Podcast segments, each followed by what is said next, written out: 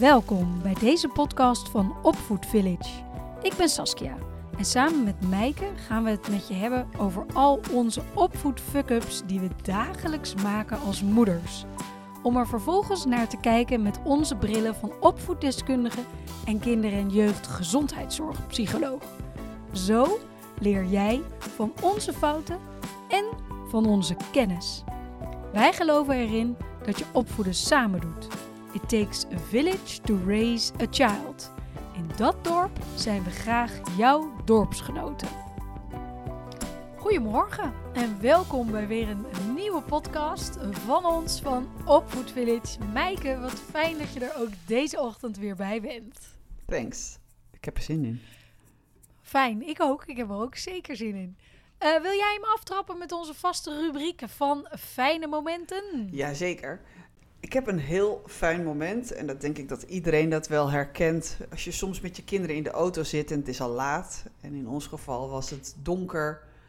En we waren om een uurtje of acht uh, weggereden bij kennissen en alle vier de kinderen zaten achterin. En dan ja. uh, overdag doen we altijd heel veel vrolijke muziekjes en meezingen. En s'avonds doen we altijd hebben van die rustige playlists. Heerlijk. En ik, ik reed en uh, Arjan zat lekker naast me. Toen vielen ze zo één voor één in slaap. En dat vind ik dan zo heerlijk. heerlijk. Nou, eerst de jongste, die had nog allemaal, allemaal praatjes toen ze de auto inging. En 30 seconden daarna lag ze al te tukken met de konijn en de duim in de mond. En dan, dan vallen ze zo allemaal om de, om de beurt in slaap. En dan is het stil in de auto en het is uh, donker buiten en het regent een beetje. En dan uh, Arjan lekker naast me en dan... Nou, dat, dat ben ik zo... Lekker rijden. Ja, lekker rijden. Dat vind ik zo Ja. heerlijk. Lekker. dat was mijn uh, geluksmomentje van deze week. Dat kan ik me heel goed voorstellen. Ja. Wat een mooie. Ik heb er ook een. Ik eh, zat op de fiets met, eh, met een van mijn kinderen en het, het zoop, hoe zeg je dat? Het zuipte van de regen. Het regende kei en keihard. We zaten met z'n tweeën op de fiets, maar ik fietste naast een vrolijk kind. Ik had hem net opgehaald bij de bowlingbaan, al waar hij een eh, kinderfeestje had gehad.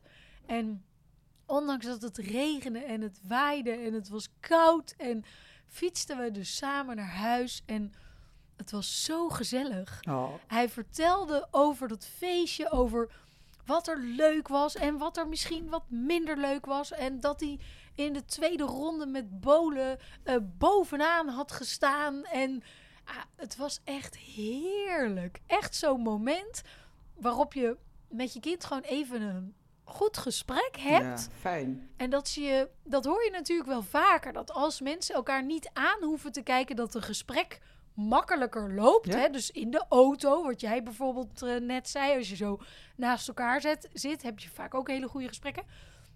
En dat was in dit geval dus met mijn, met mijn eh, schat van een zoon, was dat dus ook het geval. Wij fietsten dus heerlijk naar ja, eh, genieten. Leuk, heerlijk. Klinkt, Ja, klinkt goed. Fijne momenten. Yes. Fijne mo- Deze podcast, ik ga hem inleiden met een verhaal en dan weet iedereen waar we het over hebben. Yes. Het is drie jaar geleden. Het is koud, dus het is winter. Er zijn lampjes overal. We hebben Sinterklaas eh, is ge- geweest.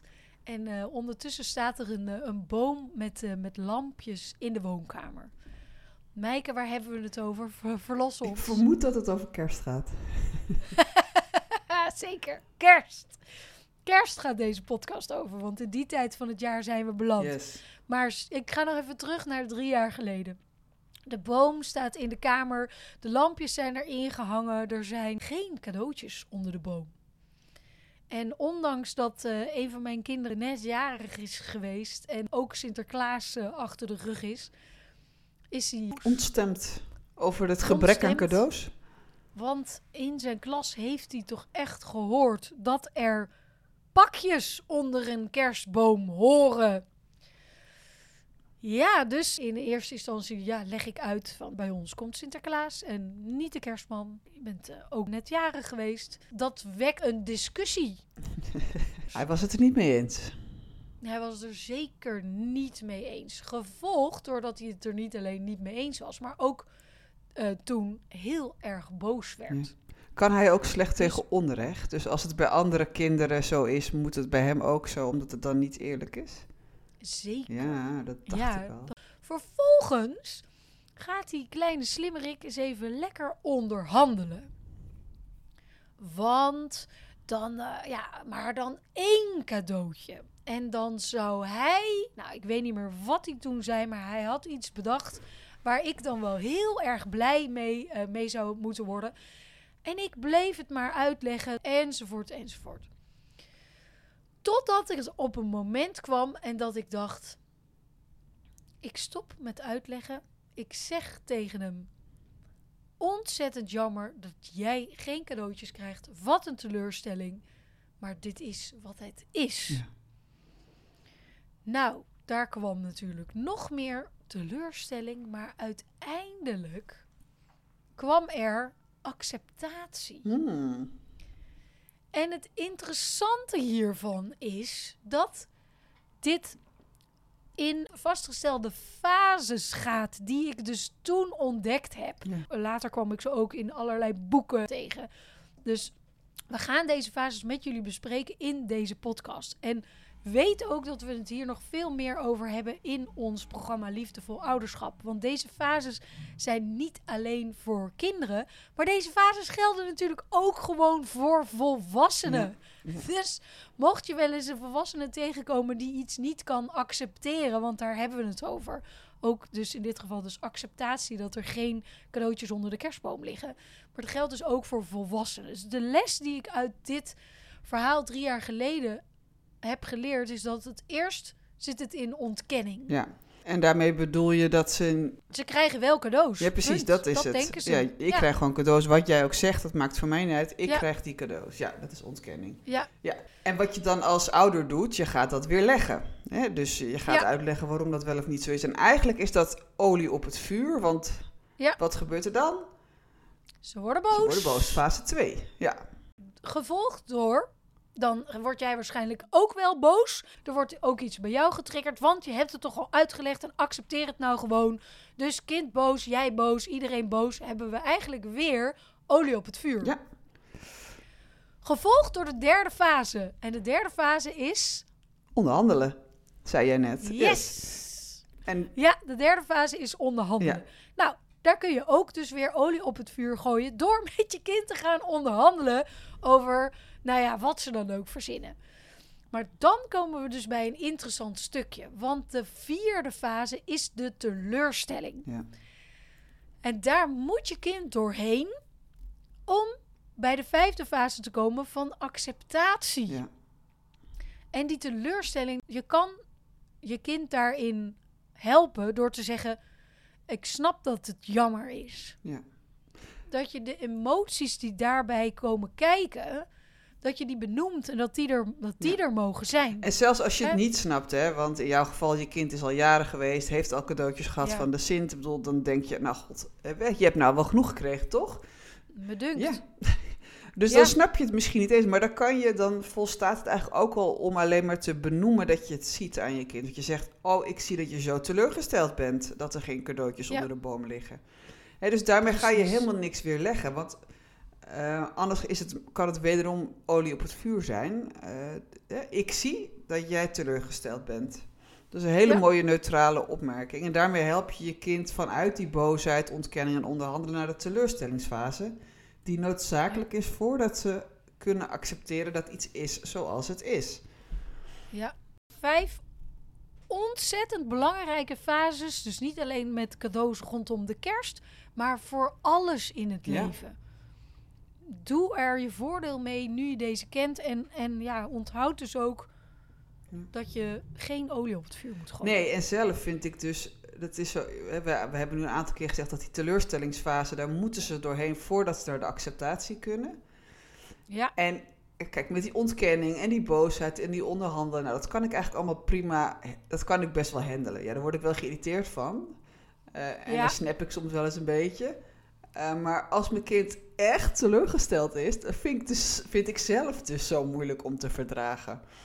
En dat ik dan, ja. ben, zou ik bijna geneigd zijn om toch een klein cadeautje onder de boom te gaan leggen. Want- Ja. En ik denk dat dat misschien wel, nou ja, misschien ben ik de enige, maar misschien herkennen Nee. andere ouders het ook. Je kind teleurgesteld zien, dat doet gewoon een beetje pijn. Ook al is het zo, ja. ook al hebben ze meer dan genoeg spullen, daar gaat het helemaal niet om. Maar ik, maar het is nodig. ja, het is nodig, maar ik Hè, vind het hoe zelf moeilijk, zo we het ook vinden. Ja, oh, zeker. Dat is ontzettend moeilijk. Maar nu, nu we deze vijf fases hebben besproken, weet je dat het erbij hoort. Ja. En dat het dus nodig is voor acceptatie. Kijk, en dit is een, een klein voorbeeld. Maar dit gaan ze hun hele Ja. leven nodig Bij hebben. alle grote keuzes of bij alles wat anders gaat dan ze hadden verwacht. Alles. Ja, dit Ja. lijkt ook heel erg op de fases die eh, in rouw zitten, bijvoorbeeld ook. Ja. Eh, Ja. Het is tot Ja, maar dus heel mooi. ontzettend handig voor je kind om ze hier op jonge leeftijd mee om te leren gaan. Yes. En dus ook heel belangrijk, nou ja, hè, dat je zelf doorhebt. Oh, wacht, we zitten nu in die fase. Oké, dit pakken we zo en zo aan. Precies. Precies. hey, maar het onderwerp, het is wel leuk dat we hierop kwamen, want dit is natuurlijk super interessant en ook op vele manieren toepasbaar. Het onderwerp is kerst. Ja, het onderwerp is kerst. Zeker. Kerst. Heb jij een, heb jij een favoriete kersttraditie? Heb ik een favoriete kersttraditie? Ja, wij hebben al vanaf dat onze jongste één jaar was, ik weet dat ik die toen gekocht heb, ik weet nog waar ik gekocht heb, hebben wij zo'n stal van... eh, ja, een De kerststal. kerststal, ja. En dit is er eentje van Fisher Price. Met van die, van die Oh, poppetjes, ja. die dikke kleine poppetjes. En met al die... Ja. Dus onze, onze traditie is die altijd neerzetten. En dan moeten er nieuwe batterijtjes in. En dan doet de ster het weer. En het liedje weer. En dat hoort dan zo onder de boom. En we hadden toevallig... eh, was ook een van de eerste dingen toen we... eh, weer gingen praten over de boom versieren. Dat vroegen de kinderen...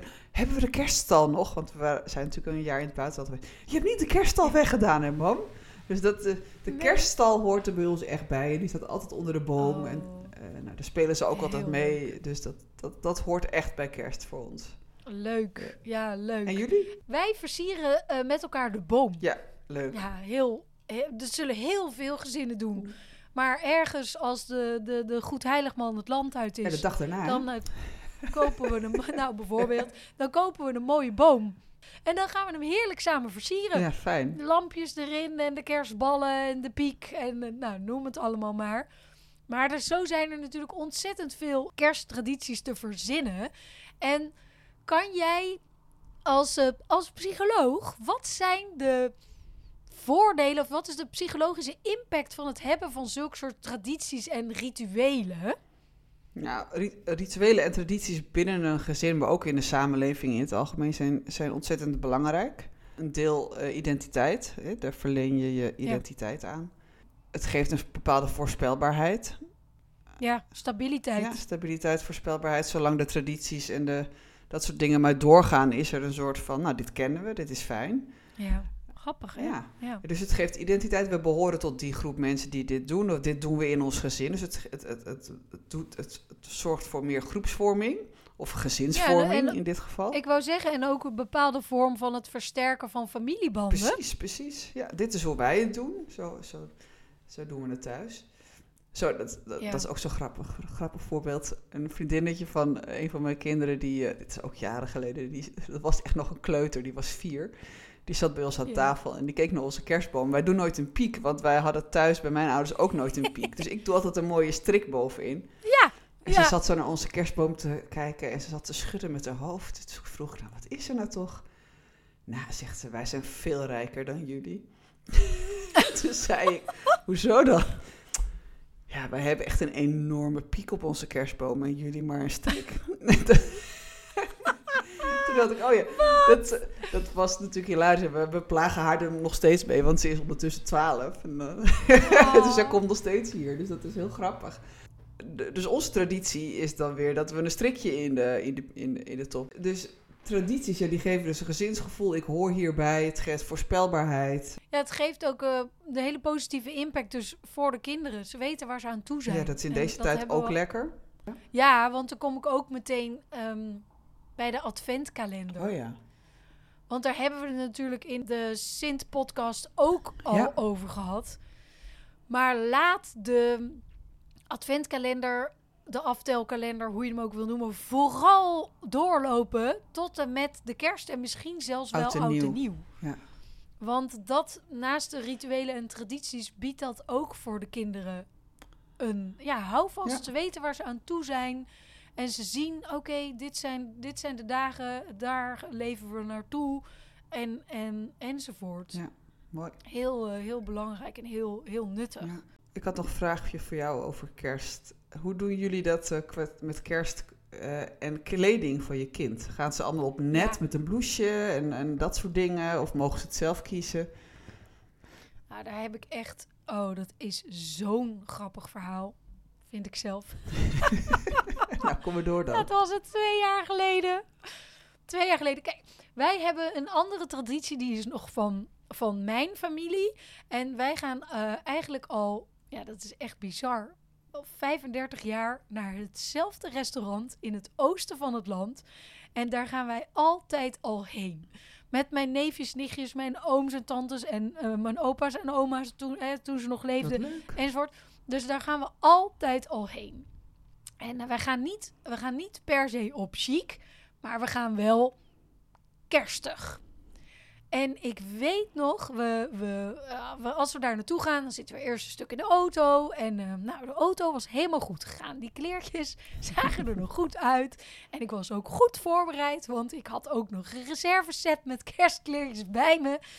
Maar voordat we dan aan tafel gaan, wandelen we eerst daar door het bos. Het is in Twente en het is een prachtige omgeving. Dus we wandelen daar altijd en dat is een mooi rondje. Dan kunnen de kinderen nog even uitrazen naar de auto. Nou, enzovoort. Maar je voelt hem al aankomen.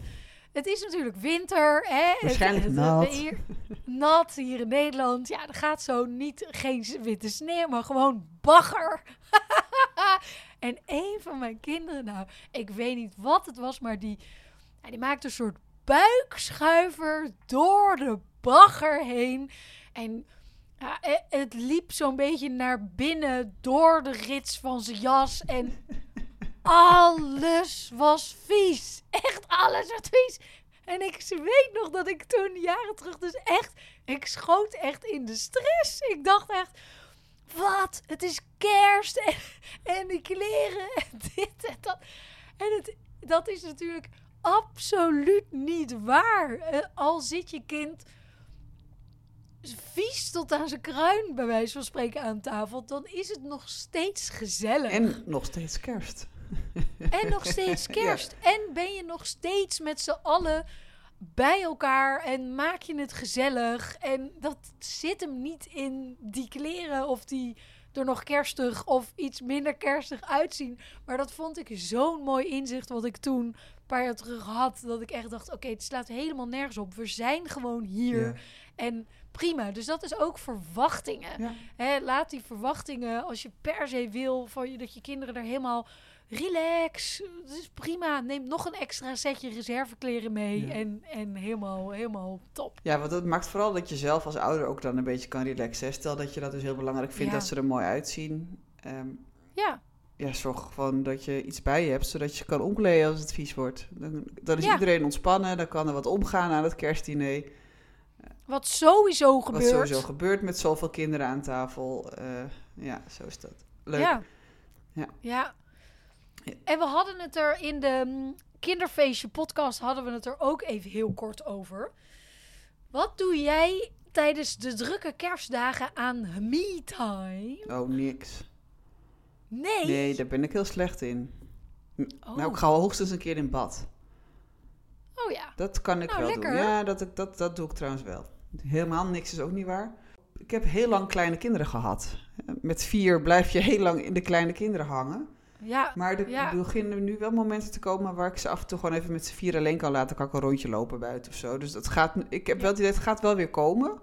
Nu ze allemaal wat ouder worden. Maar wat ik wel dan doe, is af en toe een keer in bad.